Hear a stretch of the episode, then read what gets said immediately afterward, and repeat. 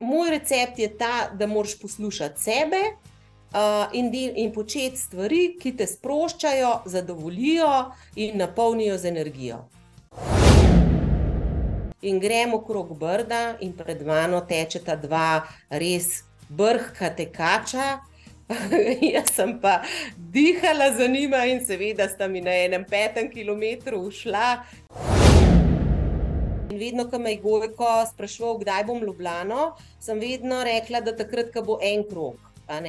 In potem me je posebej poklical, da zdaj pa je en krok in da zdaj ne grem pa na ta velik maraton pač zdravnik eh, res ne morem kol uh, iz svoje kože. Uh, tako da um, mislim, da si ne podpustila, če bi tekla mim, uh, pa da bi bilo z nekom nekaj hudo na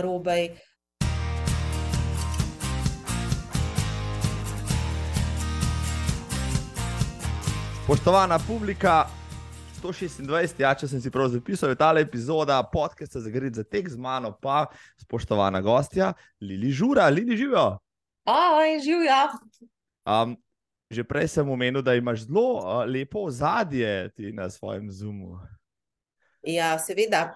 Uh, pač jaz sem v prostem času ali pa v službenem času, sem uh, direktor zdravstvenega doma Kran, uh, imam približno uh, 490 zaposlenih, pravzaprav točna številka je 488 od včeraj. Uh, začela sem takrat, ko jih je bilo zaposlenih 203. Tako da veste, koliko je to napredoval, bom rekla, v zdravstvu in tako naprej. Ti si v zdravstvu, koliko že? Vsaj v Kranju si, si ne 30 let, če se ne motim. Fu, v Kranju sem zaposlena, ja, pa res že skoraj tri, ne, uh, eh, 30 let, od leta 1994. Noro. In takrat ste se več kot podvojili, praviš, pa, pa tudi kaj dogradili ste, ali kako. Um, Posodobili ste se v vseh pogledih, vmes si postala tudi direktorica tega cenjenega zavoda. Um, Praviš, ja, direk ja, praviš v prostem času. Ja, ja, direktorica sem že od leta 2006. Uh, jaz se trudim predvsem za ljudi, uh, poskušam jim narediti dobro okolje, uh, tako da to točno ljudje vejo um, uh, da se lahko name obrnejo. Uh, seveda pa uh, uh, nisem prenehala delati kot zdravnica, ker to, uh, to je v bistvu moja primarna stvar, pa to tudi najrajš počnem. Uh, rada imam svoj del, uh, predvsem delo kot zdravnice, uh, tako da uh, manjka nam prostora, uh, iščemo ga uh, res pospešeno. Tako da upamo, da bo tam le uh, zadaj za zdravstvenim domom res zrasel, zrasla severna vrata, uh, na mhm. katere zelo računamo. Uh, zdaj pa pač se selimo po Kranju, uh, iščemo vse mogoče poslovne, kakršne koli prostore, uh, prav zaradi širitev naših dejavnosti. Uh, udeleženi smo v, v večjih evropskih projektih, ki se potem nadaljujejo v naše slovenske projekte mi smo začetniki teh, pa malo raziskujemo, kaj bi se dali izboljšati, oziroma pa se potem tudi izboljša uh, pristop. Tako smo imeli, recimo, tako imamo center za krepitev zdravja, kjer imamo zaposlenega uh, tudi kineziologa, tudi kineziolog, uh, zaposlen v zdravstvenem domu Kran. Uh, smo uh, ga imeli eni izmed prvih smo bili uh, del projekta Olimpijskega komiteja, ker so se obrnili name kot, bom rekla, športnico, pa so rekli, da to podpiram. Ne, ker kineziolog v zdravstvu pomeni ne uh, fizioterapija, ampak pomeni nadaljevanje fizioterapije in pa preprečevanje poškodb. Pa še kar nekaj takih stvari.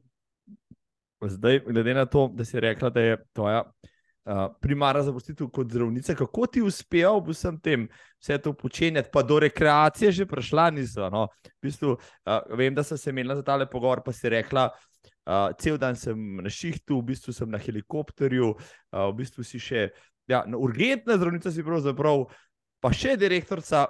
Jaz sem zmeraj se rekel, te moram vprašati, pa zdaj imam to priložnost, kako ti uspe to vse, uh, bom rekel spraviti en delovni dan, teden in tako naprej, da, da preživiš, pa da pa lahko še energično tudi športaš.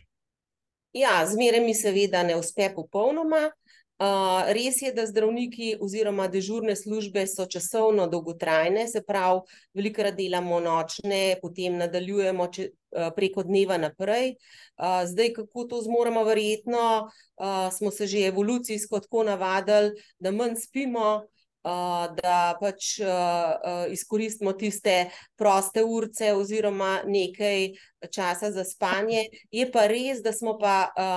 Uh, da smo pa, bom rekla, zdravstveni delavci, uh, tudi sama sem to ugotovila, nastradali v COVID-nem obdobju, uh, ker takrat smo pa res, res delali, uh, ne vem, 24 ur in več. Uh, uh, in pa tudi takrat sem mogoče majhen manj energije uspela zbrati za športanje. Uh, tako da v bistvu nisem imela niti toliko energije, da bi, uh, da bi ne vem, vstala z kavča in šla na šport. Če pa sem to naredila, uh, sem bila pa veliko boljša. Tako da, kot pa če sem uh, uh, ne vem, počivala ali pa karkoli. Da... Se pravi, tvoj recept proti izgorelosti, tudi zdravnikov, je to, da kašne proste polovice ali polovice uporabiš za šport. Ja, jaz bi tako rekla, v bistvu moraš porabiti svoj prosti čas za stvar, ki te sprošča. Ni mhm. nujno, da je šport. Šport je mhm. mogoče še ena izmed uh, zdravih stvari, se pravi, da, da vpliva na zdravje, ampak uh, ni pa nujno, da šport vse sprošča. Za ene je to, bom rekla, dost uh, naporna stvar, uh, pa jih ne sprošča, čeprav vejo, da to morajo in pol to počnejo. Za nekatere je to recimo obisk koncerta, branje knjige, lahko tudi, ne vem, kakšna druga umetnost. Tako da pač moj recept je ta, da moraš poslušati sebe. Uh, in, del, in početi stvari, ki te sproščajo, zadovoljijo in napolnijo z energijo. Super, si to povedala. No, tebe sprošča marsikatera stvar, um, med da si ravno smučanja, če se ne motim. Ja, tako je. Jaz pač, v, uh, uh, bom rekla, v drugem življenju bo, upam, da bom športnica, pa upam, da bom biatlonka, ker mi ta, ta šport najbolj všeč, uh, ker se mi zdi, da veliko stvari združuje. Um, mene je že od otroških let zelo zanimalo šport, Tako da sem bila v vseh mogočih krožkih, takrat v našem obdobju, uh, sami vemo, ne, da so bili na šolah različni krožki, tako da sem hodila na vse mogoče uh, krožke, bolj športne. Um, uh, v umetnosti uh, pela sem v zboru, zato ker smo vsi mogli peti v zboru, vsaj v osnovni šoli. Uh, v gimnaziji me že niso hoteli, ker preveč fušam. Uh, Tako da, uh, ampak šport je bil pa res moja prva stvar. Uh, tako, trenirala sem, namarala, nisem marala tekmovalnih stvari, uh, ker se mi zdelo, da, da me to tako obremenjuje uh, in so me vedno pol, uh, bolj tišali na tekmovanje, kot pa. Um, bom rekla, da je bilo to moje zadovoljstvo. Rada sem bila pa na treningu, uh, rada sem trenirala in tam sem bila tudi veliko boljša, kot pa pol na sami tekmi. Um, med, med drugim si treniral tudi atletiko, če se ne motim, pri znanem Vučku tu v Kranju. Ja, takrat sta bila trenerja Vučko in isto Kavčič. Uh, Vučko je imel bolj te, bom rekla, ki so skakali v daljino. Uh, to me nekako uh, ni pritegnil, uh, čeprav je pa včasih prevzel tudi moje treninge, uh, drugače me je pa treniral isto Kavčič, ki pa žal že pokojni. Kako pa sta trenerja gledala na mlado Lili, ki je bila izvrsta na treningih, pokazala uh, res velik talent in potencial, pa je šla pa na tekmo, pa ni bilo ta pravega rezultata, ampak v treningih je pa neznosno uživala. Ja, takrat sta me kar kregala, oba. Noč mi ni bilo fletam pol po tekmi. Ampak te ni minilo to odvrnilo od tega, da ne bi šla še, recimo, naprej trenirati. Ne, potem v uh, najstniških obdobjih se mi zdi, da se začnemo iskati, uh, pa sem nekako izgubila, bom rekla, stik s športom. Pravzaprav z aktivnim športom. Sej sem hodila bolj na sprehode, pa tako. V določenem obdobju sem pa popolnoma nehala športati, predvsem takrat, ko si ustvarjaš družino, oziroma so otroci majhni, ker nekako ne najdeš časa, da bi zmeraj rečeš, ma sej ne morem športati, sej ne gre, pa tako naprej. Uh, na kar sem se pa zalotila, uh, to je pa res, da sem postala ena taka uh, sitna gospodina, ki je težila ne samo otrokom, možu, uh, okolici, in res sem bila nezadovoljna sama s sabo. Uh, tako da sem enkrat rekla, da sem si enkrat prav rekla, um, ker smo se seveda skregali, a ne doma. Uh, da pač moram nekaj narediti, ker verjetno sem to uh, v veliki meri sama uh, uh, kriva za svoje nezadovoljstvo.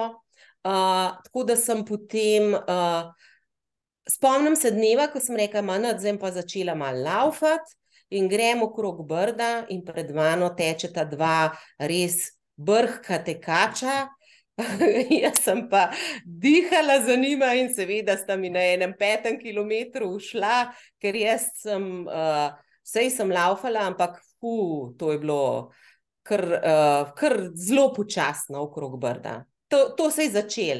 Potem me je pa mal zagrabil in sem začela, uh, bom rekla, bolj sistematično teči.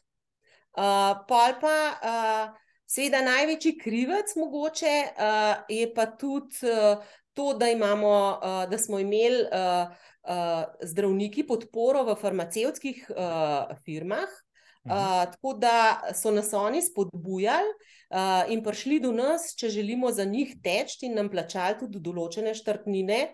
Um, zdaj ne vem, ali je to korupcija ali ne, ne? ampak uh, v bistvu sem uh, prav zaradi uh, same firme Medis uh, začela laufati.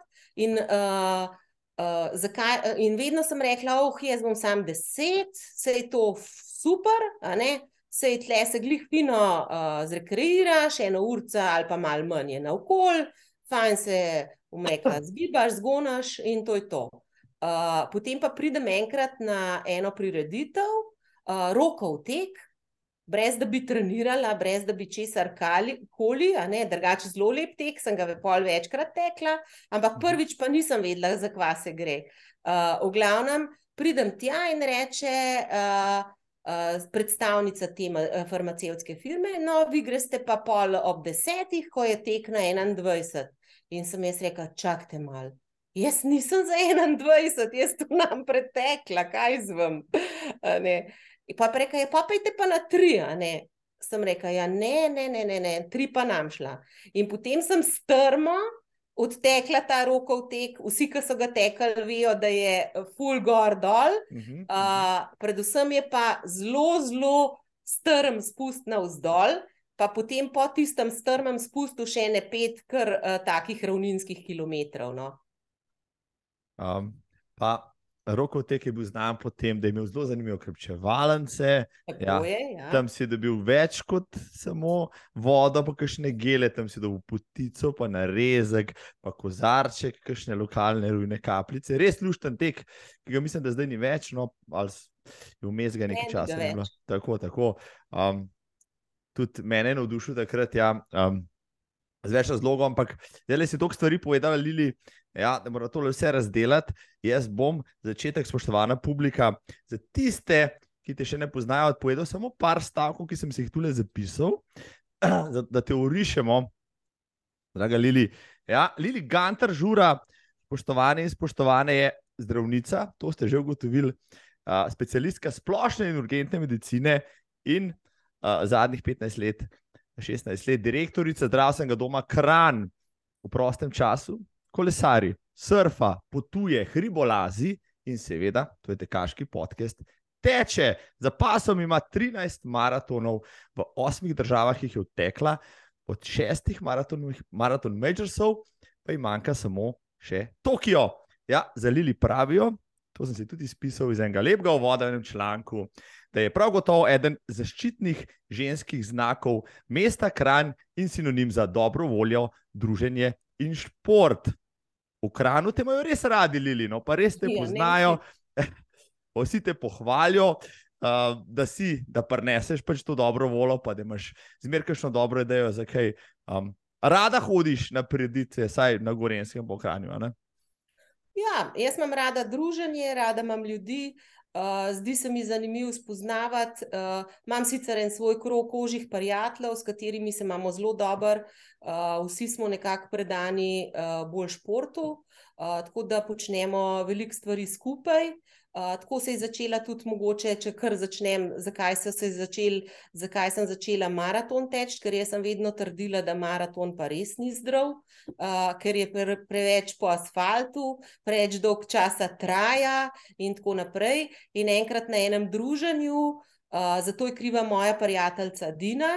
Uh, za kar smo ji vsi neizmerno hvaležni, vsaj jaz pa zelo, uh, smo bili zelo razigrani, bom temu rekla. Uh, in, smo, in je ona rekla, da gre 2010 teč New York. In mi smo rekli, ja, če greš pa ti New York teč, gremo pa s tabo navijati. Seveda, takrat smo razmišljali o navijanju. In potem res prevedemo vse skupaj, uh, rečemo, ok, gremo navijati, kupimo letalske karte, Uh, in potem se jaz spomnim, pa pravim pismo, jaz pa tečem, pa da ne bom odtekla New Yorka, pa se to me bo pobral, po moje. In potem res eh, začnem iskati možnosti. Takrat je izgledal prav ne mogoče, da bomo prišli na New Yorkski maraton. Možnosti, vse mogoče, kako bi se uspel priti uh, na štart New Yorkskega maratona. Dina je imela dober rezultat, zato je prišla preko rezultata. Jaz pa ostali, tisti, ki smo se odločili, da bomo šli zraven, nismo imeli dobrih rezultatov, bom rekla, takih, da se lahko uvrstiš.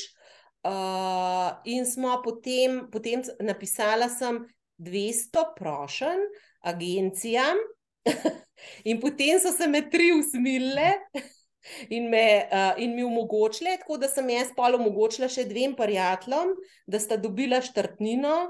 Uh, in smo potem šli prek teh turističnih agencij, uh, teč New York, in začeli tudi resno trenirati pred ja.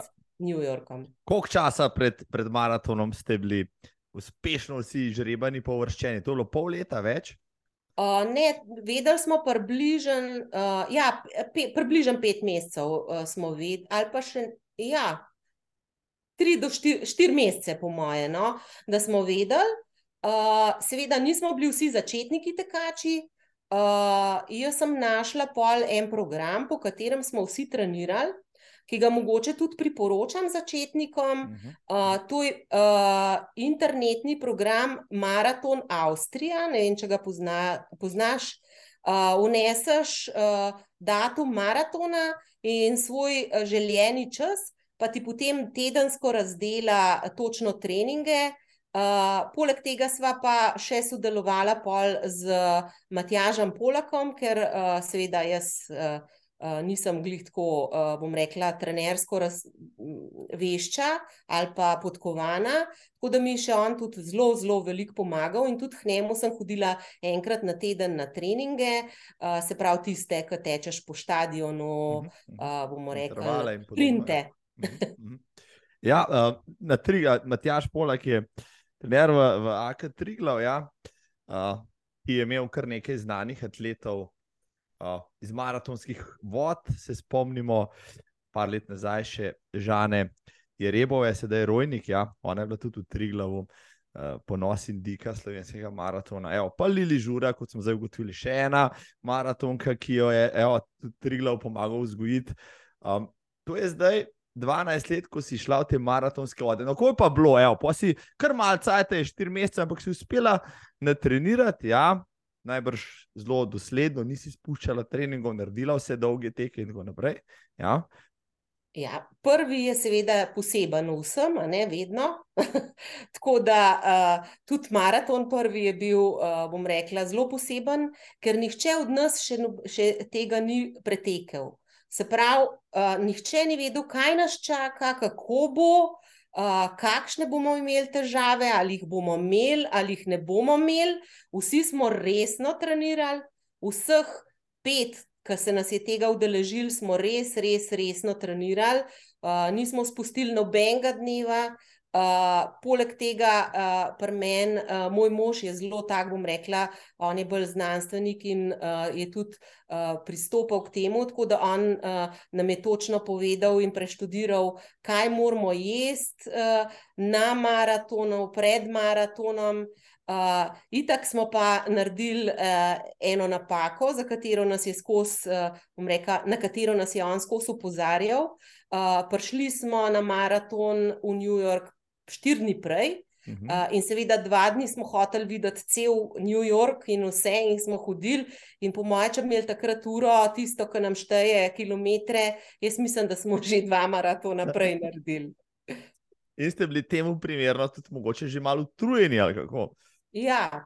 Ja, seveda. Je pa res tako, da smo pa čisto vsi tekli približen čas, ki smo si ga zastavili. Uh, zdaj, Mogoče jaz nisem tako reprezentativna, zato ker uh, jaz res ne tečem prav zelo na rezultat, ampak meni je bilo, uh, jaz tečem vse maratone tako, da pridem v mhm. cilj z nasmehom, da vmes nimam kakšnih posebnih težav. Če jih imam, raje odhodim tistih pa dva km ali karkoli in v miru, uh, Uh, zelo velik, zelo rada si ogledujem, zato ker so vsi ti uh, maratoni po vseh teh glavnih mestih, so zelo velik mimo teh uh, uh, znamenitosti. Uh, je pa seveda poseben dogodek na vseh teh velikih maratonih, uh, ki, pa, ki te pa pol potegnejo in ponesejo, uh, da mogoče sploh ne razmišljaš toliko, da ti je težko ali pa da uh, ne vem kako, ampak kar tečeš avto, avtomatsko, no bom temu rekla. No, da naj ena publika uh, si malo predstavlja, v kakšnih časih govorijo, Lili odteče maraton, oziroma je odtekla svoje čase, kar fajn pod štirimi urami, kar nekaj maratonov si imela pod, pa mal nad to, to časovno mejo. To ni tako počasi. No? Jaz sam vem, uh, da je za 4 ure treba pa kar mal pobrcati, pa imeti kakšen kilometr v nogah, pa prigrist kakšno kriznico vmes. Ja, če me kdo sprašuje, ne, uh, vedno rečem, da mogoče 21 se še da na suho teč, uh, mhm. pa da pač si tudi z, mogoče z rezultatom zadovoljen, uh, medtem ko maraton pa res moraš imeti določen gibanje v nogah, Uh, pa, uh, ma, jaz imam to, uh, mislim tudi, da ima vsak človek, pa ne vem, če se motim ali pa ne. Uh, da, težko, uh, da ima vsak človek ugrajeno eno časovno uro, bomo temu rekli, in se okrog tiste vrtiš. In mhm. jaz, verjetno, pri meni je moj telo uh, našteljen na 4 ure, in jaz sem zelo zadovoljna, če grem malo pod 4 ure, uh, pa tudi, če grem na 34, recimo, ok, uh, Valencija je bila mogoče ena izmed, ne, najslabši je bil uh, uh, Atene. Um, takrat sem pa vmes imela eno poškodbo, dost hudo, ampak sem vsem uh, pretekla do konca. Atene niso ravno najlažji maraton na svetu, če smo že pri tem. Ja. Ja. Tudi v tem pogledu, ja, kar nekaj višincev naklepaš, pa kar toplo zna biti ja, takrat konc, oziroma začetek eh, novembra. Mm, klima je malo drugačna, kot smo jo vajeni. Tako da, ja, Atene so. No, kar nekaj maratonov si dala skozi, ampak ko si naredila prvega, ok, greš na New York, da prvi maraton izbereš New York. Aj, lahko še kaj božga, vse tista, tista šara, sicer če pogledamo v zadnji, da so vas zgodaj zjutraj že pripeljali na štart, potem ste čakali dolge in dolge ure, da so vas spustili čez Verencano, Brič in tako naprej. Ampak vse, najbrž je bilo vredno vse skupaj eh, doživeti, je bilo najbrž nevrjetno. Ja, se pravim, uh, mi imamo uh, to, jaz imam to srečo, da imam uh, prijatelje, s katerimi res uživam, ne samo v športu, ampak tudi v prostem času. Uh, tako da je tudi sam obisk New Yorka nam predstavljal res uh, nekaj posebenega. Uh, tako da je bilo, nam je bilo vsem, bom rekla, tudi ne tekačem, ki smo imeli uh, spremljevalce s sabo. Uh, oni so nam napeli na 38 km zastavo uh, in posebej navijali za nas, uh, tako da uh, smo dobili še večji polet takrat. Uh, in res uh, moram reči, da uh, mi je bilo zelo, zelo dobro. Zato sem pa tudi rekla, no, se to je pa to. uh, zdaj šla pa jaz naprej. Um, a si bila tudi ena tistih tekačic, ki je rekla, da prvi sekaj ne bom laufala maratona, pa si šla, ok, bom natrenirala ta maraton in pa že v cilju, z tistimi bolečimi nogami, pa z, uh, uh, z, vso, z, z tisto soljo, ki je bila ne, na tebi, pa z mislijo, da sam še kavč, pa bano vidiš, si rekla, mogoče bi pa še kdaj kakšnega. Uh, ja, moram reči, da pri nas v naši družbi je zmeraj najboljši žur po maratonu. Zato, ker smo takrat sproščeni, vsi smo, na, kako je zdaj, mladostniški izraz, najboljši, nahajpani z energijo. In imamo fulma še adrenalina. In res, večinoma moram reči, da uh, se zelo dobro zabavamo potem. Uh, Uh, tako da, uh, se pravi, nihče od nas ni, bom rekla, tako preč, da bi odle, obležal, uh, da ne bi mogel noč, da ne bi mogel hoditi. Uh, nekako vsi smo, uh, ok, ne vem, jaz večinoma nimam muskal fibra, uh, nimam kakšnih težav. Mogoče, mogoče je v bistvu bolj prej problem, ne, ker toliko treniraš, uh, in si potem včasih kakšne te mikropoškodbe narediš, ampak nič posebenega. Se pravi, do, uh, jaz sem edina na Atenah imela uh, zlom stopalnice uh, med maratonom, ne, se pravi, je bila ta stres fraktura, uh, uh, ampak uh, sem pol do konca odlaufala. Uh, pa moram reči, da je bilo tudi vredno, no, ker na uh, Atene so, kot je začetek, bom rekla, slab, je pa potem uh, konc pa res fenomenalen tisto finale, ja, to, to sem že večkrat omenil v tem podkastu. Tisto finale, uh, ko prideš na Patinajko stadion, je najbrž najlepši vhod v ja. cilj na vseh maratonih na svetu. Ja. Tako da ja, naslednje, leto, ja, naslednje leto gremo. Poštovana publika, še dolgo če zraven, po dolgih letih spet pogledati to reč in jo teč.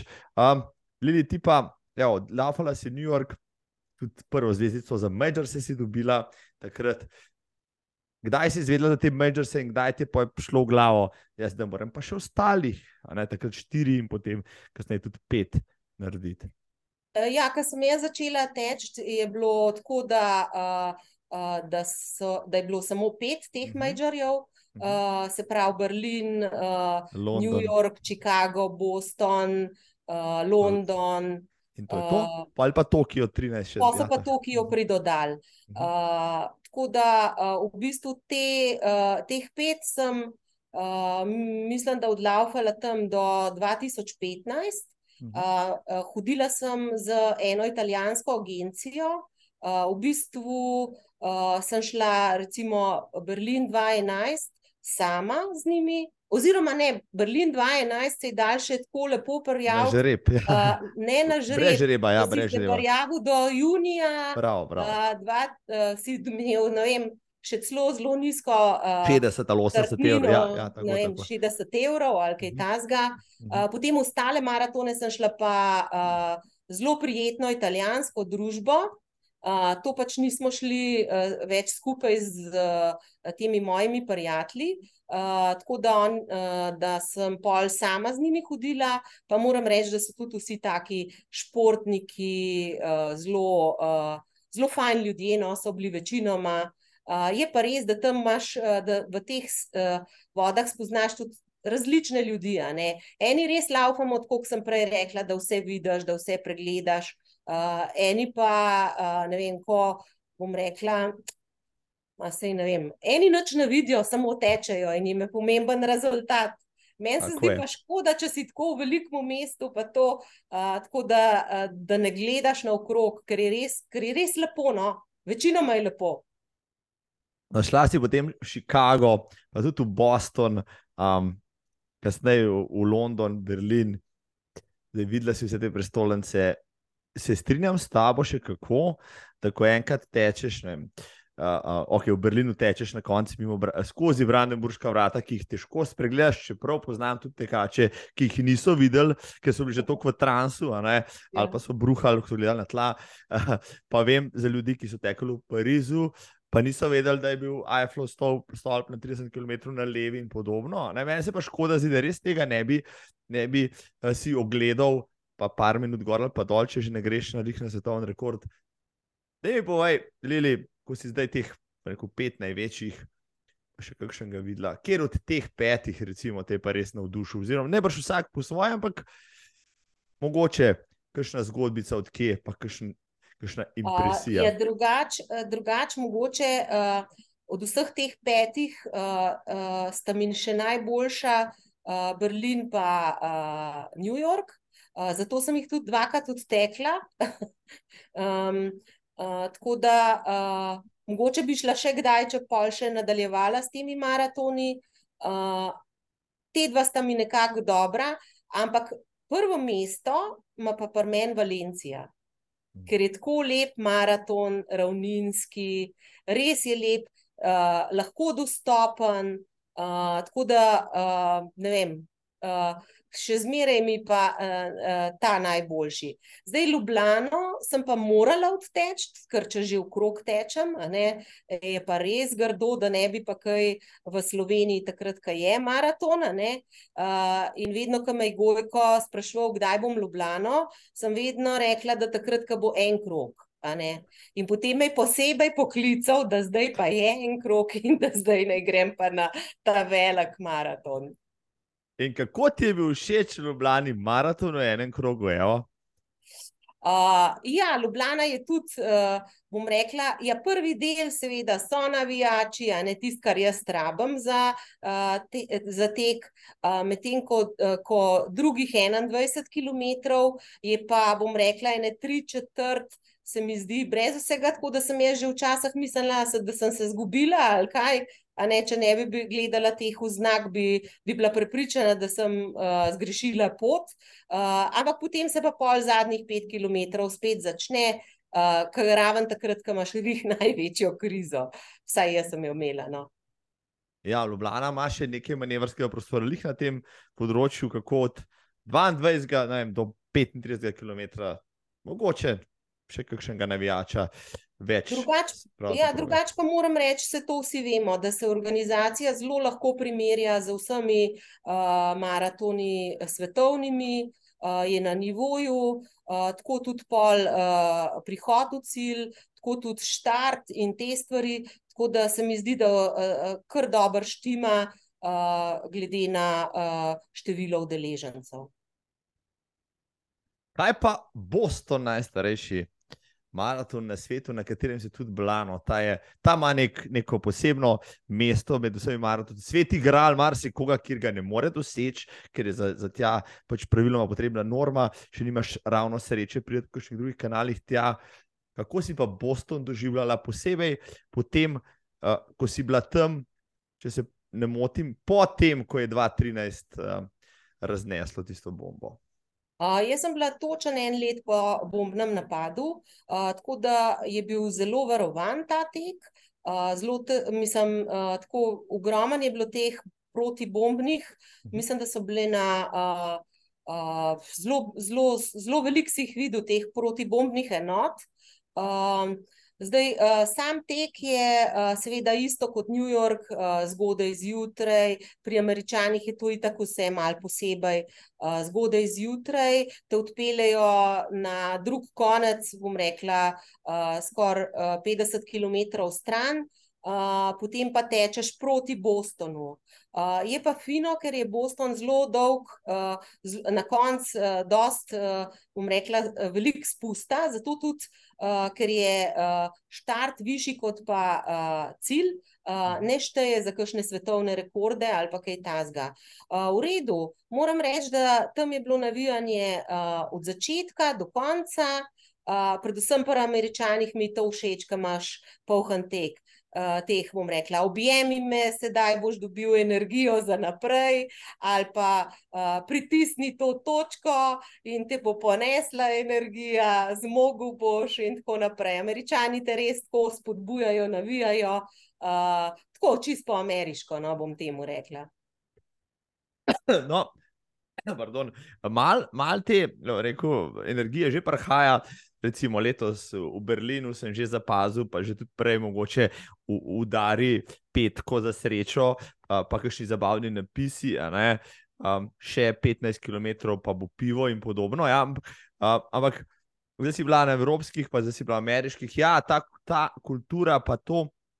Dojemanje maratona na Ameriki je malo drugačno. Tudi to, da vem, ali sami navijači med tekom, že prej, posebej pa, ne, kar je tudi ti moreš zapaziti, ta kultura, da neseš medaljo okrog vrtu na sten dan in si dejansko res spoštovan uh, pripadnik tekačkega plemena, ki ga običajni smrtniki gledajo malo spoštovanjem.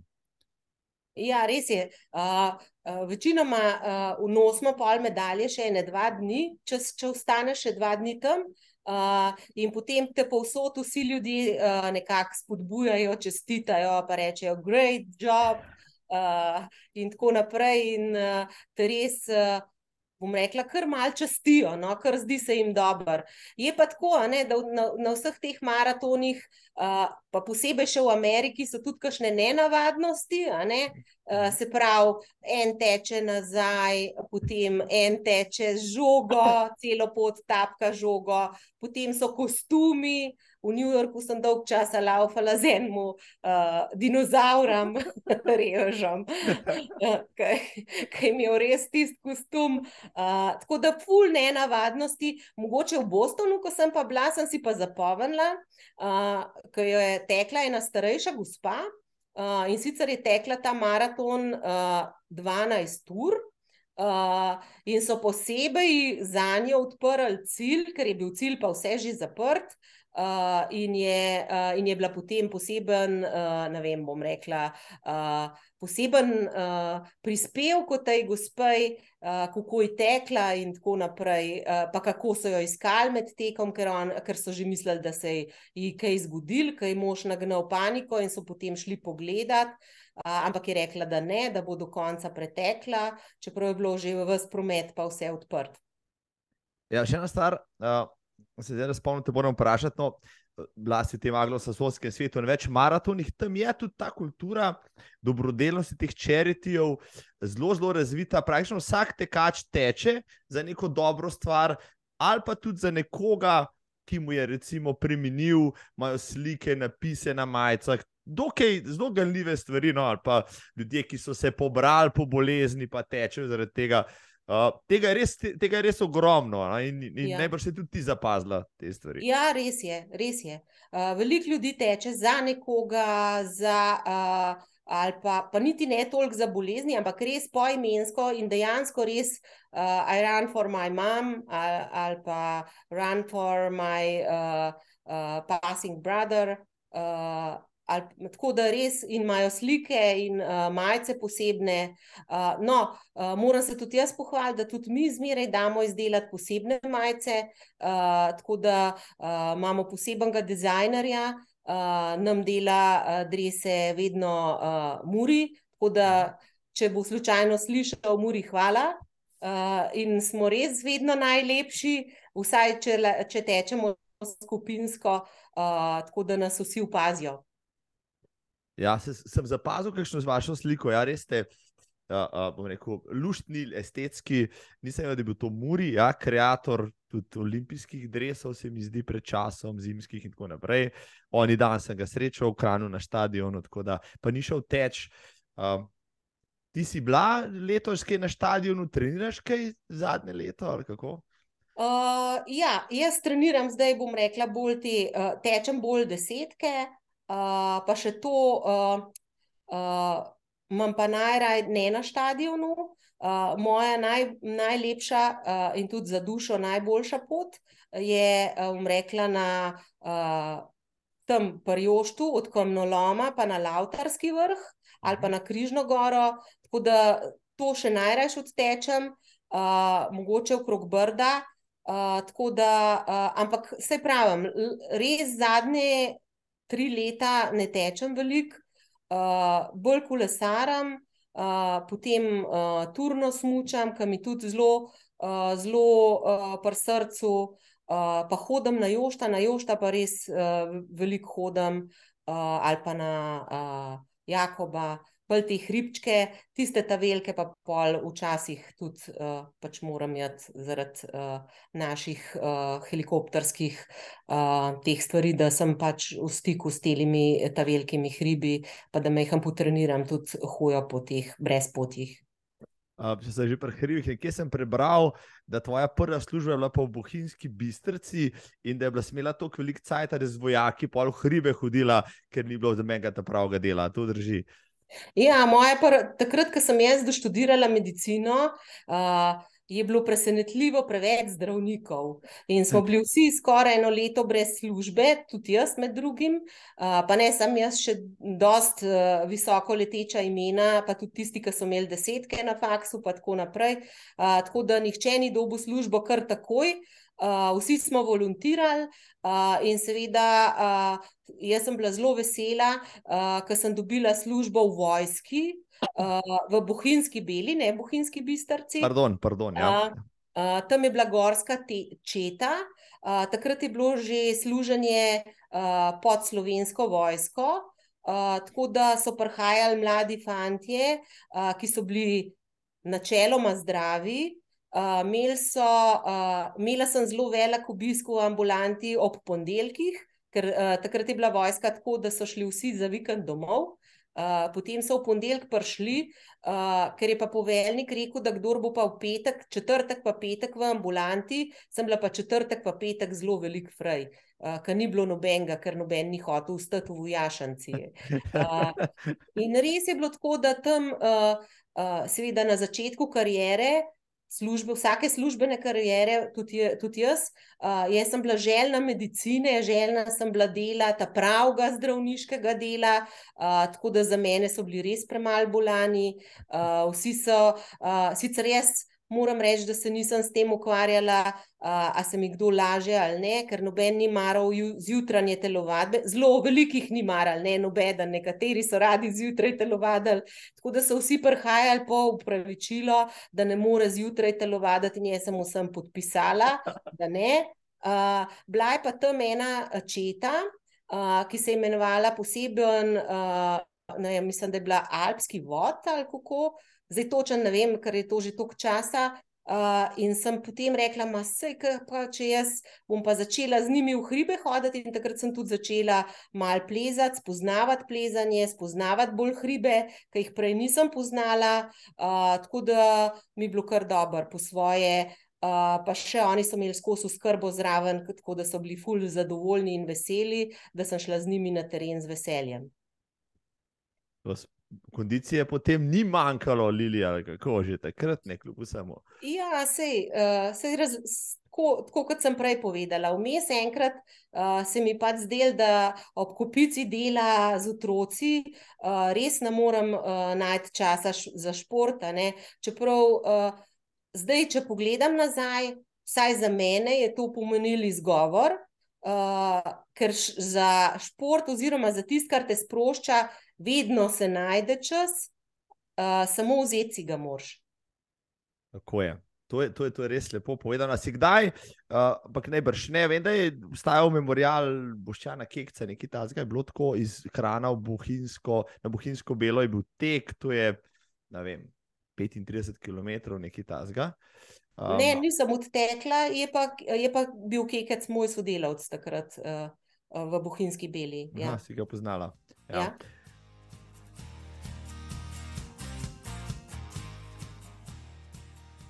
No, kot, ampak nekaj me še zanima, no, kot zdravnica, ne, ker je že znano ime. A te kdaj, kakšen so tekač, pa znanc, prijatelj, ali pa kdo kakšne ključno vpraša. Um, Tudi tekač se pravi, reče: Joj, mene pa tleh boli nekaj pod kolenom, Lili, ti si guren, veš, kaj moram narediti, si doktorica. Ne, um, mislim, to me ne sprašujejo, sem pa obremenjena s tem, pa tudi doskrat se mi to že zgodilo, predvsem London se mi zdi tak maraton, na katerega ni potreben, uh, ni potreben kakšen poseben rezultat, ampak lahko prideš samo prek charity ali pa prek teh turističnih agencij. Uh, in se to zelo pozna pri tekačih. In moram reči, da sem kar ne parih uh, nekako tam rešvala, stala z njimi, uh, da sem videla, da so ok Uh, in, uh, no, pa tudi na zadnjem kranskem treningu, uh, na kranskem teku, ko sem šla teč, je zraven mene tekel en, mla, en mlad fant. Uh, tako bom rekla, uh, star uh, 12 uh, ali pa mogoče 14 let, uh, ki je se zelo zagnal s tekom in ga je potem začel pod uh, uh, desnimi rebri močno boleti, pa pritiskati, pa stiskati, in se je držal. In sem pol se pri njemu ustavila in sem mu rekla, zdaj se pa ustav, štir počepe nared, pa pol naprej normalno teč. A te je upošteval? Ja, je, je. je. A te je prehitoval? No, ja, se vidi. uh, no, kot, ja, ker si vendar je zdravnica rekla, si je, ne priješ na tako večjo tekaško prireditev, uh, pa se okrog tebe več nekaj dogaja. Jasno, da je to tvoje, tvoje, tvoje, tvoje poslanstvo, poklic, jasno, da se odzoveš tam. Prva, praktično. Uh, oziroma, ja, v bistvu... si morda še bolj pozorna, se pravi, čujem, uh, na, kot mi, običajni tekači, ki se sami sabo ukvarjamo, pa se ti moče še več ukvarjati z okolico, oziroma prej zaznaš kaj takega. Ja, takrat, ko sem bila v Londonu, uh, je bilo kar nekaj takih uh, ljudi, tako da uh, sem pol z njimi počakala, uh, pa da so pol. Uh, da so pol prišli ta pravi ljudje zraven. Seveda, jaz sem brez opreme, ne, vse, kar znam, imam roke, pa mogoče znanje v uživljanju. Uh, uživljala nisem nobenega, uh, razen bolj te stvari, bom rekla, noge gor, krče, če je imel krče, da sem mu noge raztegnila, ne, pa uh, pač, da smo počakali, da pridejo in ga poberejo. Jaz sem v Ljubljani laufal enkrat na maratonu, ko je v prvih par kilometrih uh, dva tekača spodneslo, pa so enega celo uživljali. Letos v Londonu je prav kolega, ki je bil tam. Pa je tudi tekel mimo človeka, ki se je zgrudil na 36 km, no, kasneje je tudi umrl, mladeniče. Um, Máš kakšne, izkašno je tvoje mnenje? No, prej si rekla maraton, pa, pa moče malo ne zdrav in tako naprej. Uh, si imela kdaj stik tudi z, z, z čim takim? Sklopu svojih rekel, uh, službenih obveznosti, da je kdo se resno rekel, poškodoval ali pa celo umrl zaradi tega in da ti je dal to, ki misliti mogoče. Ja, v bistvu jaz uh, velikrat tudi dežuram na uh, teh športnih prireditvah, uh, tako da je kar nekaj uh, kašnih poškodb. Uh, zdaj, uh, So tudi kakšne take zgodbe, eh, ki so se, sicer uh, jaz nimam kakšnih smrtnih primerov, uh, so imeli pa pol kar nekaj časa težave, pa uh, uh, zdravjem, in tako naprej. Uh, tako da jaz mislim, da moraš poslušati svoje telo uh, in pač uh, ne pretiravati, ker. Uh, Rezultat ni, tako kot je olimpijsko načelo, rezultat ni važen, važna je udeležba, važno je, da tebe to zadovolji, da se imaš dober.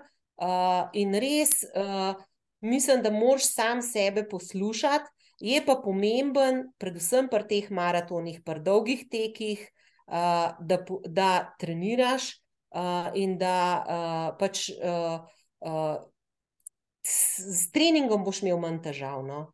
Uh, tako da, uh, pa res ne pretiravati, ker uh, te, bom rekla, vrhunski športniki, ki se z njimi pogovarjam, veliko rečejo: Oh, jaz sem svoje že odtekel, tale se pa kar žene. Pa tako, uh, tako da, se pravi, to ni nič narobe, če se ženeš. Sam moraš vedeti, do katere meje, pa tudi uh, ni fajn pretiravati, ker pa se res.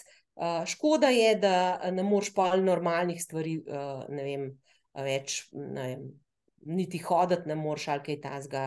Uh, um, ja, to drži. Ampak, uh, kakšno pa tvoje mnenje, mogoče glede tega, da bi vsi tekači v tujini, recimo v Italiji, Franciji, taka praksa, da moraš za udeležbo na tekaškem, uh, rekel, na maratonu, na tekaškem dogodku. Pridobiti in dostaviti zdravniško potrdilo, da si zdrav. V Italiji ne bi zadnja leta še celo naredil EKG, pa spirometrijo in tako naprej. Uh, Kakšno je tvoje mnenje? No, v Sloveniji, recimo, smo se veliko že o tem pogovarjali, pa, pa še ni prišlo do tega, uh, medtem ko sem recimo govoril tudi uh, z Angleži, uh, organizatorji Londonskega maratona. Oni, njihovo mnenje pa je, da je upozorilo in napisano, imajo marsikaj na spletni strani, kako se to, kar ti praviš, kako se pripraviti, na kaj paziti, uh, uh, kateri znaki so tisti, da morda. Je važno in potrebno obiskati zdravnika, prej pa narediti kakšno preiskavo. Sicer pa, ne, in eno zanimivo raziskavo sem tudi bral, bi uh, zdravniški pregled, recimo pred maratonom, ne pomagal dosti, ker nobena, uh, noben test, uh, noben EKG ne more simulirati, recimo 25 stopinj, uh, pa 39 km, pa izmučenega tekača, ki je vem, mogoče spil dva deci premalo zadnje, zadnjo uro pa pol. Kaj je tvoje mnenje? Je, je, bi bilo to smiselno za rekreativce uvesti neko tako uh, preventivno zadevščino, pa kakšen pregled, ali je to, kar si rekla, pač ta lastna odgovornost, pa, pa, pa, pa, pa pažnja na sebe, pa takrat, ko zaznaš, da moče nekaj narobe, poskrbiš pred tem, da ni potem težav. Ja, jaz ti mislim, da je smiselno, da uh, naredi vsak uh, kakšno spirometrijo, da naredi uh, kakšen EKG, zato ker se takrat uh, najdejo kakšne tiste prikrite stvari, uh, ki se včasih pokažejo, pa se potem lahko sklepa, da bojo na obremenitev slabše. Uh, tle bi mogoče izrabila, uh, pa bi uh, naredila EPP za zdravstven dom. Izvoli. Zato, ker uh, pri vseh tistih, ki so starejši od 40 let, uh, pripada pregled pri referenčni sestri, ki je zelo obsežen, obsega in spirometrijo, in EKG, uh, in določene uh, tveganja ti odkrijejo, in tako naprej. Uh, tako da, uh, če uh, kdo še ni bil povabljen k referenčni sestri, uh, nekaj vpraša svojega zdravnika, uh, te so zelo bom rekla, sicer uh, trenutno, v začetku so bolj vabile, a ne so, so imele, bom rekla, mogoče premalo dela, ker še ni bilo toliko, zdaj imajo dela za dost, velik, uh, uh, ampak so vesele vsega, ki je pripravljen prideti na preventivni pregled. Uh. Tako da uh, to, recimo, uh, to priporočam. Uh, zdaj, uh, Če bomo pa začeli, če bomo pa začeli to, da bojo morali še pred športnimi prireditvami pridobivati še zdravniška potrdila, pa ne vem, če bojo medicinci dela in športa to zmogli, uh, ker tudi oni se utapljajo v delu in jih je premalo. Seveda, vsaka taka stvar je koristna. Uh, ne vem pa, če je tako, kot si rekel, ker tam imaš polhen uh, drugih dejavnikov še zraven, uh, ki vplivajo na, na te pa ne samo to, te dejavniki in temperatura. Eni ljudje lahko prenašajo temperaturo, drugi ne, ne prenašajo temperature, eni v mraza ne prenašajo. Ne. Se pravi, tle je zelo pomembno, da poslušaš sebe uh, in se temu prilagodiš.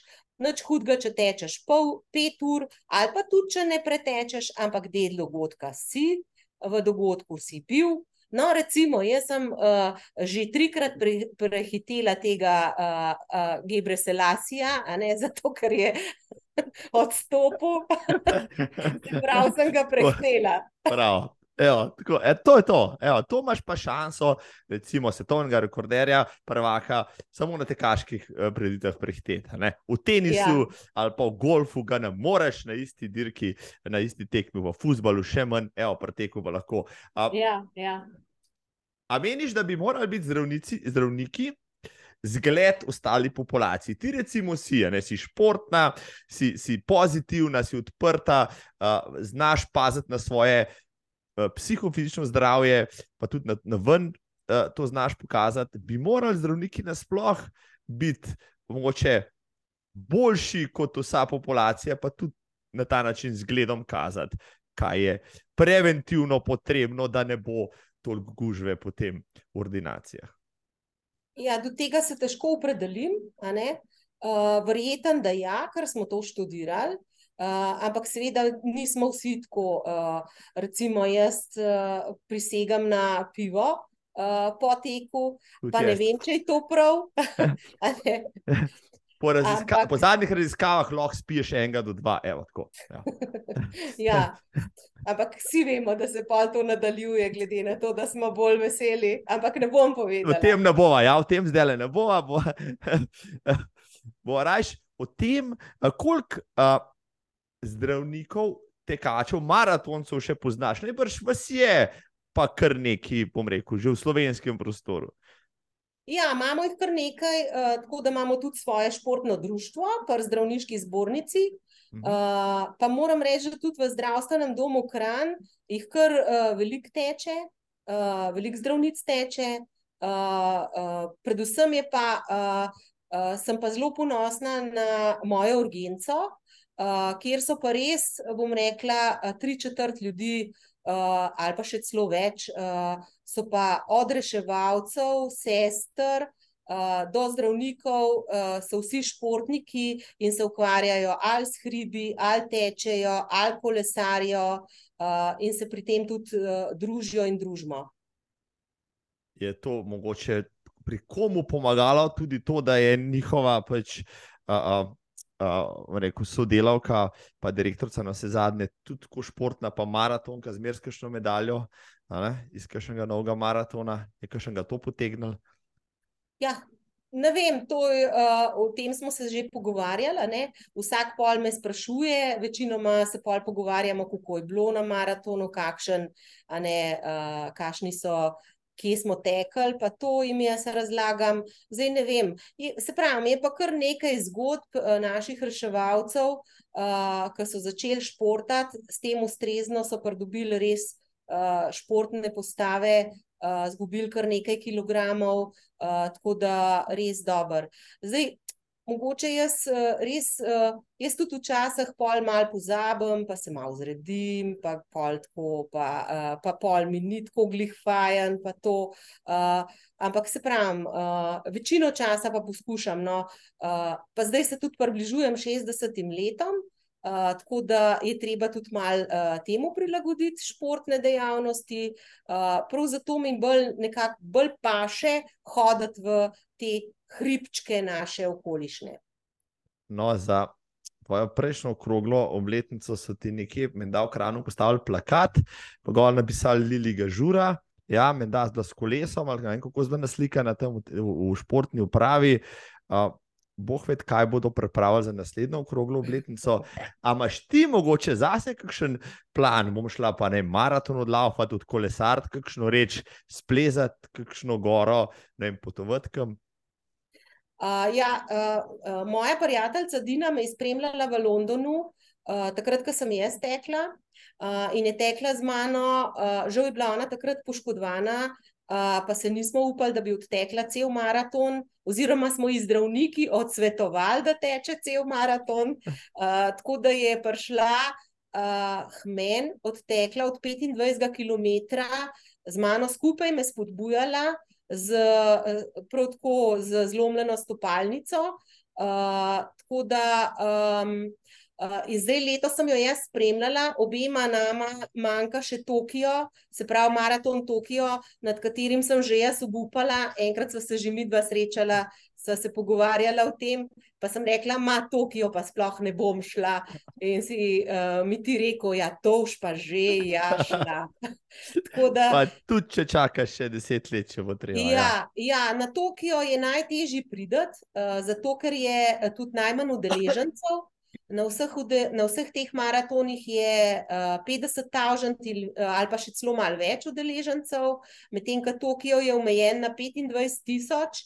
Uh, jaz sem že imela štrtnino, oziroma sem bila že prijavljena pri tej moji italijanski agenciji, uh, pa se je pa začel COVID uh, in so seveda vsi ti maratoni odpadli.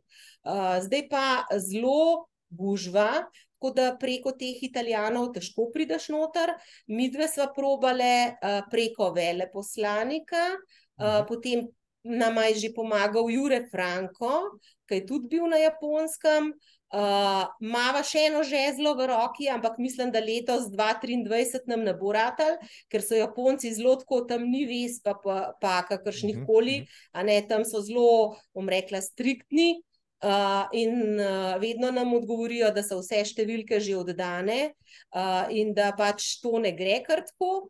Uh, tako da računava, uh, jaz mislim, da bo uspele priti 2024 uh, preko ene izmed turističnih agencij, ki uh, organizira za nas.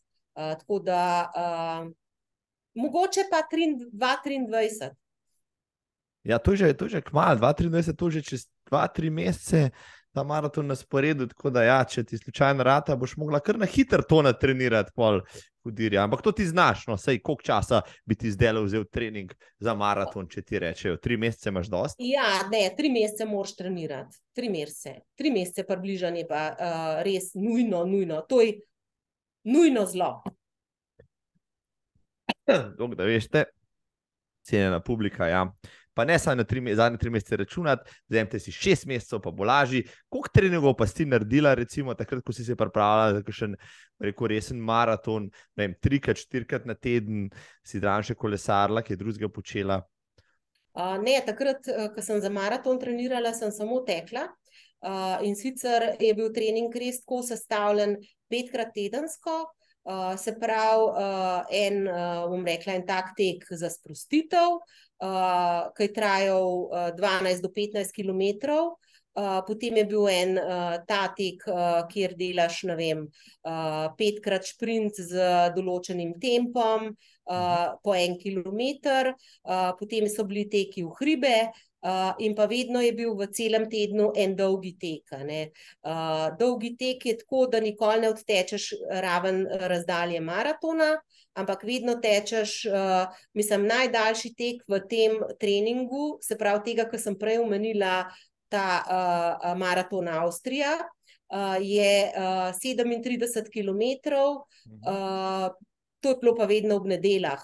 Uh, zdaj, če smo skupaj trenirali s to mojo družino, smo običajno te dolge teke združili, uh, da smo šli skupaj teč, uh, ker uh, pomemben je, da se gibaš vsaj 4 do 5 ur.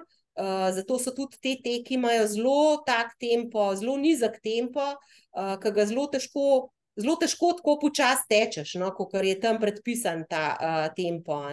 Ampak pol vidiš, da je z razlogom. Lili, poznam, okay, poznam kar nekaj rekel, družinskih zdravnikov, par specialistov, kakšnega zobarja.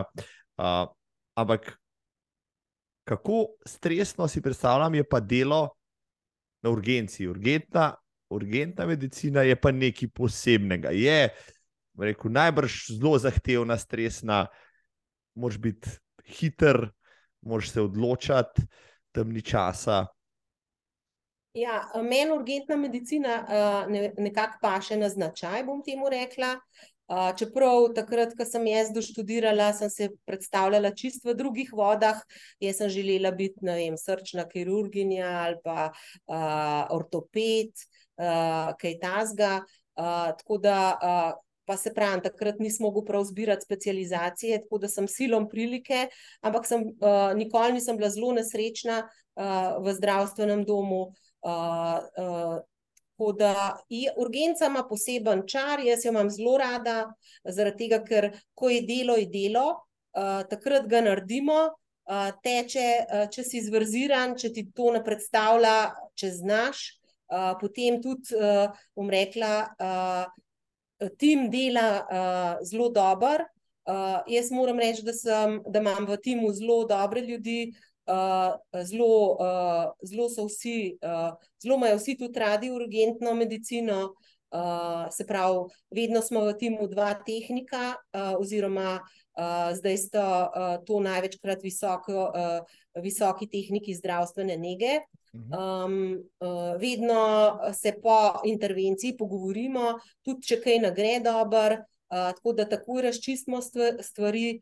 Uh, je pa seveda mogoče je bolj stresno za vas, ki gledate od zunaj. Uh, tudi za nas je stresno, predvsem, kadar so udeleženi otroci, uh, ker smo vedno nekako bolj čust, tudi s čustvi upleteni. Uh, pa sej smo tudi drugot s čustvi, samo tle so bolj, uh, bolj uh, se mi zdi, da nas bolj prizadene, če se kaj dogaja uh, pri otrocih. Uh, zdaj, uh, uh, za me bi bilo bolj stresno delati v družinski ambulanti, ker je ne znam delati, ne znam voditi kroničnih bolnikov, vse to moram. Če me kakšen parijatu sprašuje za nasvet, moram res preštudirati, pregledati ali pa koga vprašati. Uh, tako da v urgentni medicini pa res uh, bom rekla, uh, uh, mi je fajn. Uh, tako kot sem že prej rekla, imam rada svoje delo. Um, uh, problem je ta, da, nas, da manjka družinskih zdravnikov uh, in je tudi obisk na urgenci dost velik, bom rekla, z nepotrebnimi stvarmi, uh, z nepotrebnimi obiski uh, ljudi.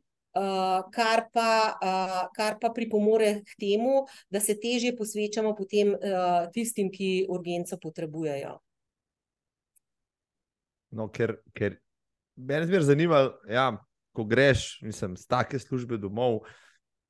Okay, jaz grem službe domov, recimo, ali pa neham, neham z delom, pač nič, nič ne, ne visi na nitki, nič ne morem tako zafrkati, da bi komu ne, a, a, šlo za življenje ali smrt. In tudi posledično ne, je, so moje travme, pa moj stres. Če, če, si, če ga primerjam, recimo, s kakšnim drugim tvojim delom, bistveno manjši, kako ti je tek tudi način, vem, uh, da ti ta stres predelaš, ali si že, zram, kot si rekla, karakterno taka oseba, da ta stres predelaš že sproti, da moče ne rabaš, ne rabaš moče tega. Uh, je moj nasvet, uh, glede na to, da sem tudi mentorca mladim zdravnikom, moj nasvet, nasvet jim je vedno uh, takšen. Uh, domov moraš iti tako, da ne neseš pacijenta sabo, se pravi, vse tisto, kar ti. Kar ne moreš razrešiti, kar ne moreš uh, narediti, poš, uh, je treba uh, poslati na uh, drugim, drugim specialistom. Uh, vedno se ne moreš izogniti stresa, uh, vedno se ne moreš izogniti tega, da premlevaš o tem. Uh, tek je ravno v tem dober, uh, ker toliko idej, toliko, bom rekla, toliko stvari, uh, ker v bistvu med tekom Pol sem jaz ugotovila, jaz sem vedno trdila, da ne maram meditiranja, ampak sem ugotovila, da sem pa glih med tekom največkrat meditirala. Pa ne sem meditirala, ogromno razmišljala in o službi, in o kakšnih, ne vem, bom rekla, tudi domačih zadevah.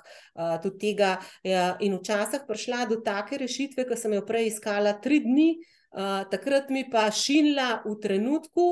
Uh, pa tudi včasih sem predelala kakšne te, umreka, težke stvari, ker tudi mi nismo nezmotljivi, ne tudi mi smo včasih uh, ne naredimo glih vse tako, kot je treba, uh, ampak pomemben je, da se to uh, razčistiš, uh, naučiš uh, in da potem uh, naslednjič te napake ne narediš več.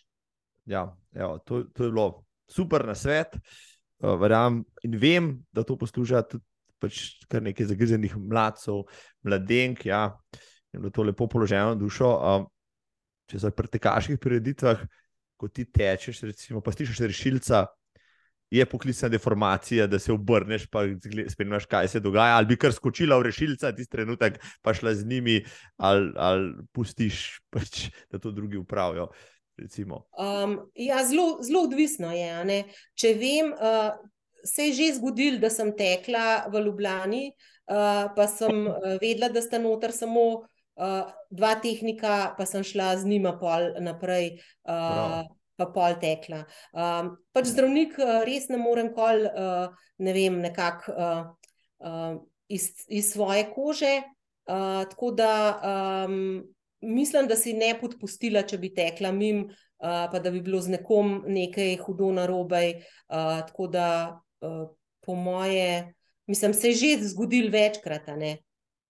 Da si, da si med tekom morala potem tudi svoje.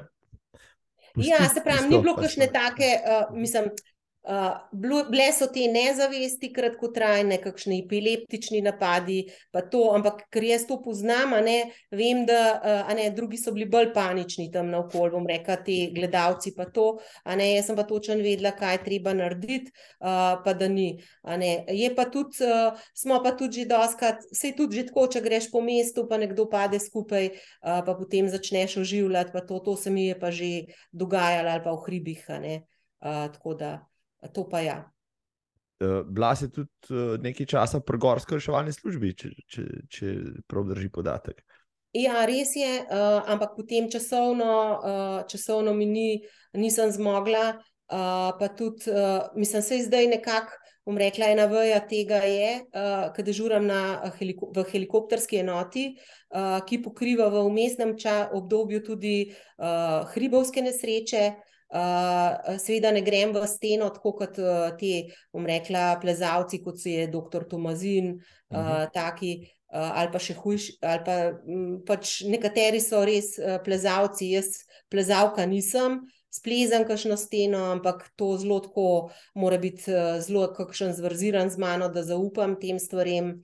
Uh, s helikopterjem se spuščam uh, po vitli uh, do pacijenta, uh, to je pa to. Um, um, tako da hribi so mi tako uh, res uh, hribi. Um, Rekla je že okolje tako, da, da te malo bolj, še bolj sprošča, kot pa druge stvari. Predvsem pogledi na vzdolj. Glede na to, da so uh, zadnja leta ratali popularni traili, pa ultratraili, pa gorski trail maratoni, uh, si se udeležila že kakšnega, glede na to, da to združuje več tvojih gibalnih ljubezni? Ne, sem že imela v mislih, ampak ne, ne. ne. Ker zdaj ne, je zato, ker, zato, ker, ma, uh, ker jaz sem uh, psihično verjeten, je še kdo, ne sem jaz. Ne? Uh, ko vidim klanc na vzgor, rečem, o, Madonna, to pa ne bom mogla. In potem uh, običajno hodim. Uh, in ko sem še trenirala za maraton, sem šla enkrat laufati na šmarjetno, ker nikoli nisem prelaufala, doskrat oziroma doskrat je nisem prelaufala. Uh, in kaj je bila tema, nisem videla, koliko je klanc na vzgor, sem pa celo prelaufala in pa pridem domov, vsa vesela in sem rekla, no, sem pa zdaj klance usvojila. Ampak naslednji klanc, ki je bil čez dan, sem spet rekla, o, spet ne bo šlo. ja, marsikdo... je zelo velik. To drži, ja, marsikdo ceni pa le te trele zaradi tega da klanci lahko prehodi brez slabe vesti, kar na maratonu pač ne moreš narediti. Si v Bostonu, Heartbreak Hill, prelaufala v enem kosu. Ne. ne. Aj pošten si povedala. ne, delno sem hodila. Tudi v redu. Um, ok, blasi. Vlasi v Parizu, na Dunaju, Valenciji, Atenah, Pariz ti nekaj ni bil všeč, Valencija se je navdušila, Atene s svojim ciljem tudi. Máš kakšno ja, zanimivo prigodo vseh teh maratonov? Zakaj ti Pariz ni bil všeč? Recimo? Pariz mi ni všeč zaradi francoske organizacije, ki uh, bom rekla, uh, uh, ne reče se za ston po francosko, a ne, kaj to malo tako. Uh, ni bilo, uh, bilo zadost vicejev, uh, ni bilo tudi pol cilj, je bil kar nekaj po svoje. Uh, Saj meni ni bilo tako všeč. Uh, tako da, ampak to je zelo subjektivno mnenje. Če pa nekoga drugega vprašaš, nekateri so pa zelo navdušeni nad Parizom. Uh, uh, kaj pa jaz vem? Se pravi, vsi ti ta veliki maratoni v teh velikih mestih uh, so uh, zelo velik mimo teh znamenitosti, tako da imaš en kvik ogled vsega uh, v živo, je še zelo slikam vmes. Tako, tako to je to. Uh. da, se pravi, jaz nisem tako taka tipična maratonka. No? Včasih me mož krega, pa pravi, kako moraš 140 laupati cel maraton. To je malo več treba, ne, ti se noč ne pomatraš. Ampak jaz res pač grem tako, da sem vam dober.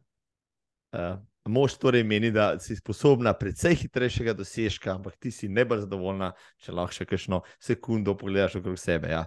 To, je, to je super. Spomnim se Berlina 2016, ne bom pozabil. Ja. Jaz sem se mučil, bo so nog takrat nekje na desetem kilometru, pa preteče mi o mene. Uh, Dekelca, zelo zanimivo, pravi, pogledam, Lili žura. Ja, in potem za par kilometrov tekla skupaj, sem te proval slediti, malo si razlagala, kako je bilo prejšnji večer, pa kakšne imaš plane, pa kakš, kako, kako ti majorsi kažejo, potem pa si odbrzela naprej ja, uh, svojim dosežkom nasproti. No, in um, Kaj si rekla, da ti Berlin zelo pri srcu, pa da bi še šla kdaj tudi na Nan, kot je na New York. Bi šla še na kakšen maraton, imaš kakšno željo, posebno, vem, če bi imela pol čas, pa denar, uh, neomejeno, tja bi pa šla. na kitajski zid ali pa na Antarktiko ali kaj takega? Ne vem, ker zdaj sem v bistvu. Uh, se pravi, zdaj, odkar ne laufam več toliko teh uh, dolgih tekov, um, sem nekako to dala na stran, pa niti nisem razmišljala, me pa vlečejo bolj topli, topli kraji. Tako da takrat, ko smo bili v Valenciji, bila Ibica maraton, to smo rekli, da bomo šli združno, mogoče kdaj. Uh, se pravi, je pa še uh, verjeten. Uh, Verjetno bom še kdaj šla. Ne? Tako sem rekla, ker mi, uh, jaz sem vedno govorila, da maraton pa res ne bom šla. Tako da uh, zdaj, zdaj sem eno obdobje govorila, da ga ne bom več, pa da mi nagre. Tako, ne vem, mogoče pa bom. Ja, 13.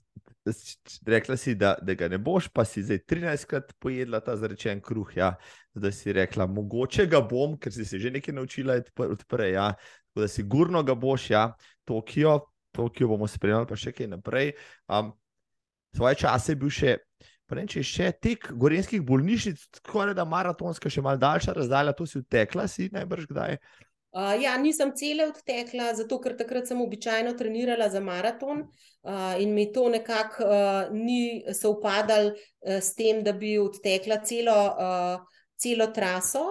Uh, sem pa odtekla recimo tri četrt trase. Uh, ampak to je bil pa vedno bolj namenjen druženju, uh, ampak res tudi med tekom uh, je zelo tak lep tempo, uh, pogovorni tempo. Uh, to je žal tudi COVID uničil, uh, tako da jaz upam, da se bojo še enkrat zbrale te bolnišnice, pa da bomo še kdaj imeli ta tek.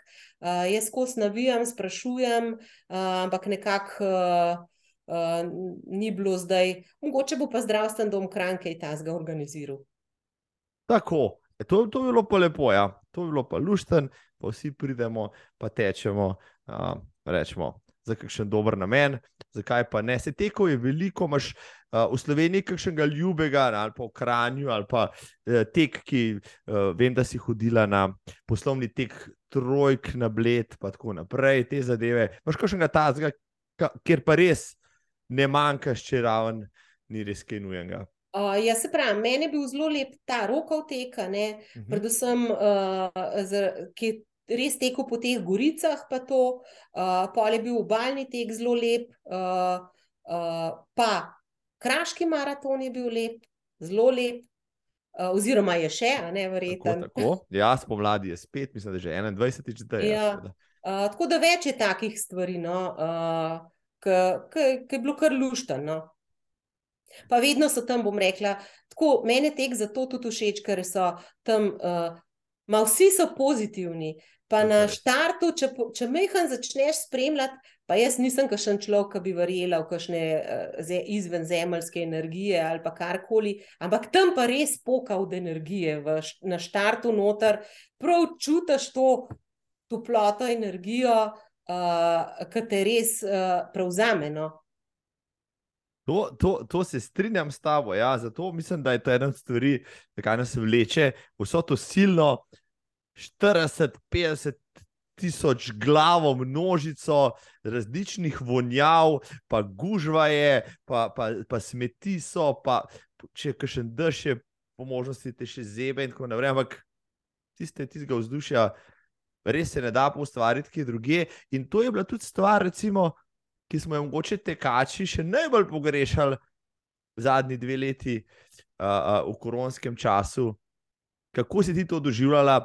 Vem, da veliko tudi mojih znancev je imelo težave s tem, ker niso smeli z občine. Ampak jaz sem rekel, da se v Sloveniji praktično ni občine, ker nimaš dostopa do narave, do, do hribov, do pot za teč. Ampak druženja ni bilo, tekaških vrtitev ni bilo in tukaj smo pa čutili en manjko. Kako si ti doživljala, poleg vsega, kar si že prej povedala? Uh, mi, smo, mi smo v tistem obdobju zelo veliko uh, imeli uh, opravka v službi, uh, ne samo uh, z samo organizacijo, tudi uh, časovno smo bili zelo veliko uh, na delovnem mestu, uh, ker uh, mogoče, ne vem, sej. Uh, v bistvu je primarni nivo obvladoval 96% uh, infekcije s COVID-om, uh, samo govori se pa vedno o 4%, uh, ki so šli v bolnico in pa o poslah v intenzivni, ne pa o vseh testih tisočih. Tako da uh, v tem obdobju smo bili vsi na primarnem nivoju bolj obremenjeni kot drugi. uh, to lahko trdim, to je tudi doka dokazano. Uh, je pa res, jaz, moje reklo je, tudi na Facebooku imam tako napisan, da je vsaka stvar za nekaj dobra. Uh, tudi, tudi COVID-en čas, oziroma zaprtje na občini, je bilo za nekaj dobro, uh, ker jaz sem odkrila toliko hribov. V naši občini, ki jih prej sploh nisem poznala. Uh, tako da pač smo se držali svoje občine uh, in smo potem hodili v te uh, hribe, ki jih verjeten. Vprašanje, če bi jih kdaj videla, ker vedno uh, stremiš, da greš nekam drugam, uh, svojo občino pa malo zanemarjaš. No? To je res. Ja. Jaz sem, ko sem lezel na Storžič, skoraj po meji kranske občine, mahal nad vsem krančanom, ki so po žlevu prihajali ven ja, in so imeli druženje nadaljavo. Ja, in potem sem šel gledati takrat občinske meje in videl, da kranska občina je res ogromna in vi ste imeli. Nas, od Storžiča na, enih, na enem koncu do Jelovce, na drugem koncu, res bom rekel, materijala več kot za dve leti, če bi ga hotel vse obdelati, vse potke. Vse. Ja, ja, tudi na Jošta sem odkrila kar nekaj poti, ki prej sploh nisem vedela za njih. Ampak potem se malo pogovarjaš, pa, pa reče, da je tudi lepa, pa je tlele. In sem tudi uh, z vseh smeri smo Jošta uh, odkrili. Uh, tako da se pravim. Uh, jaz mislim, da da eh, vsaka stvar, ki se ti zgodi, oziroma ki se dogaja, da jo moš vzeti, eh, da je res z razlogom, eh, in se tudi kasneje pokaže, tudi če je tako slaba ali karkoli. Uh, tudi tako na splošno v življenju, v službi, uh, v čemorkoli. Uh, ampak, če se dve leti ali pa čez en let nazaj obrneš na to, uh, pa se ti zdi takrat grozen, ampak ugotoviš, da je bilo nekaj, uh, da se je zgodil z razlogom in uh, je uh, tudi tako pač moral biti. Če bi, kot zdravnica, evo, nekje sem prebral, uh, da je bila ta korona, COVID kriza v bistvu za zdravnike nekaj tasga kot ne, vojna za vojake. Ne? Res izredno stanje. Kaj, kakšne lekcije bi lahko vam potegnili na splošno? To je bilo res nekaj, kar nikoli, če bi kdo, jaz sem se spomnil, mi smo bili vem, tri leta nazaj, tako čas, nekje na maratonu, mislim, da so v Valenciji, delali smo plane za leto 2020, vse je bilo lepo, vse je bilo rožnato, čez tri mesece, konc sveta na en način. Ne? Um, no, zdaj neke lekcije, vi, ki ste bili v prvih bojnih linijah ste se ste neposredno izpostavljeni toliko časa, ne, imate te lekcije, tiste še, še bolj, rekel, še bolj izrazite. Nekaj, kar, ne, kar lahko zdaj le poveva, tudi občestvu, ki ni iz tega foha. Um, a se znamo boljš pripraviti na naslednjo tako krizo? Uh, ali so stvari, ki smo jih prejmeli za samoumevne, ne tako samoumevne? Kaj lahko pa naredimo, da bomo bolj odporni na način na stvari, ki nas morda vržejo stira, pa nas morda ne bi smele.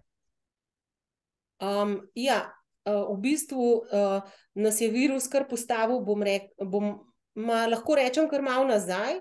Uh, vsi smo ugotovili, uh, da sploh naše zdravstvene ustanove, ne samo zdravstveni dom, kran, tudi uh, nikjer v Sloveniji, ni zdravstvene ustanove primerne uh, takim uh, velikim epidemijam, kot je bila COVID.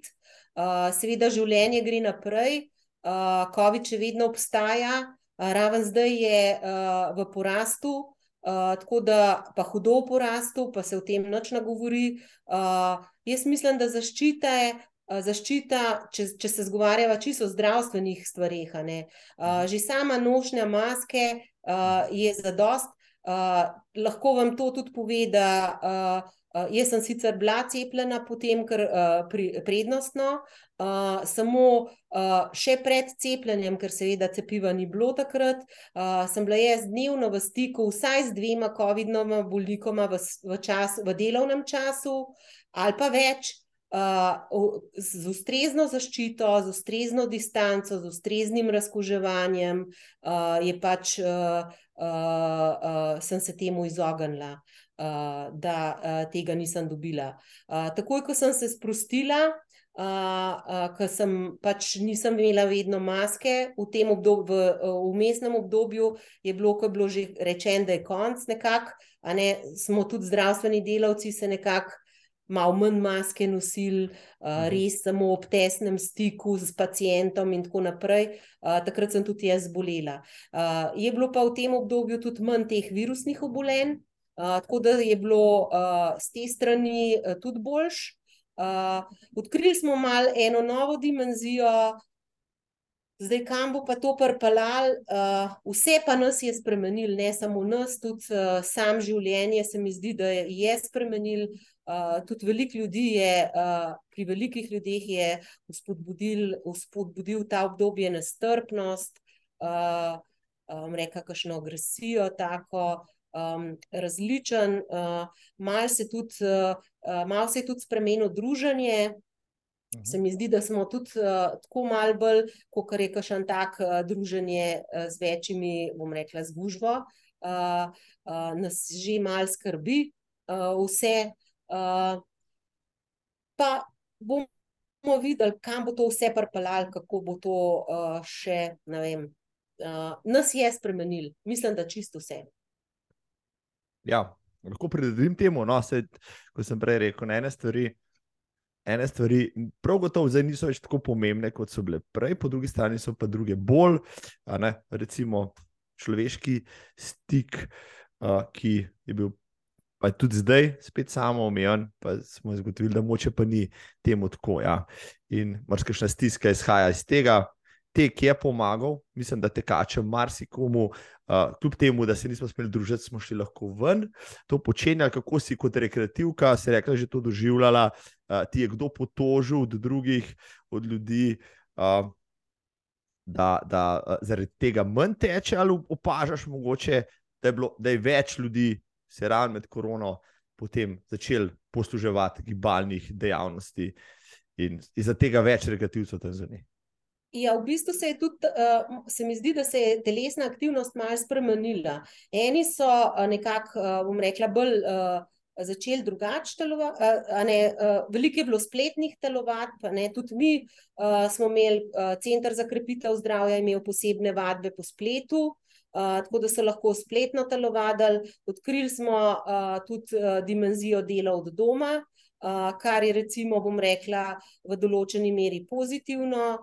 Uh, jaz mislim, da uh, pri nekaterih stvarih narediš veliko več, uh, ker se ti ni treba eno uro v Ljubljano cjazati, če, si, če pač delaš tako delač. Uh, mislim, delač, če delaš v Ljubljani uh, in je že tle po, uh, pozitiven.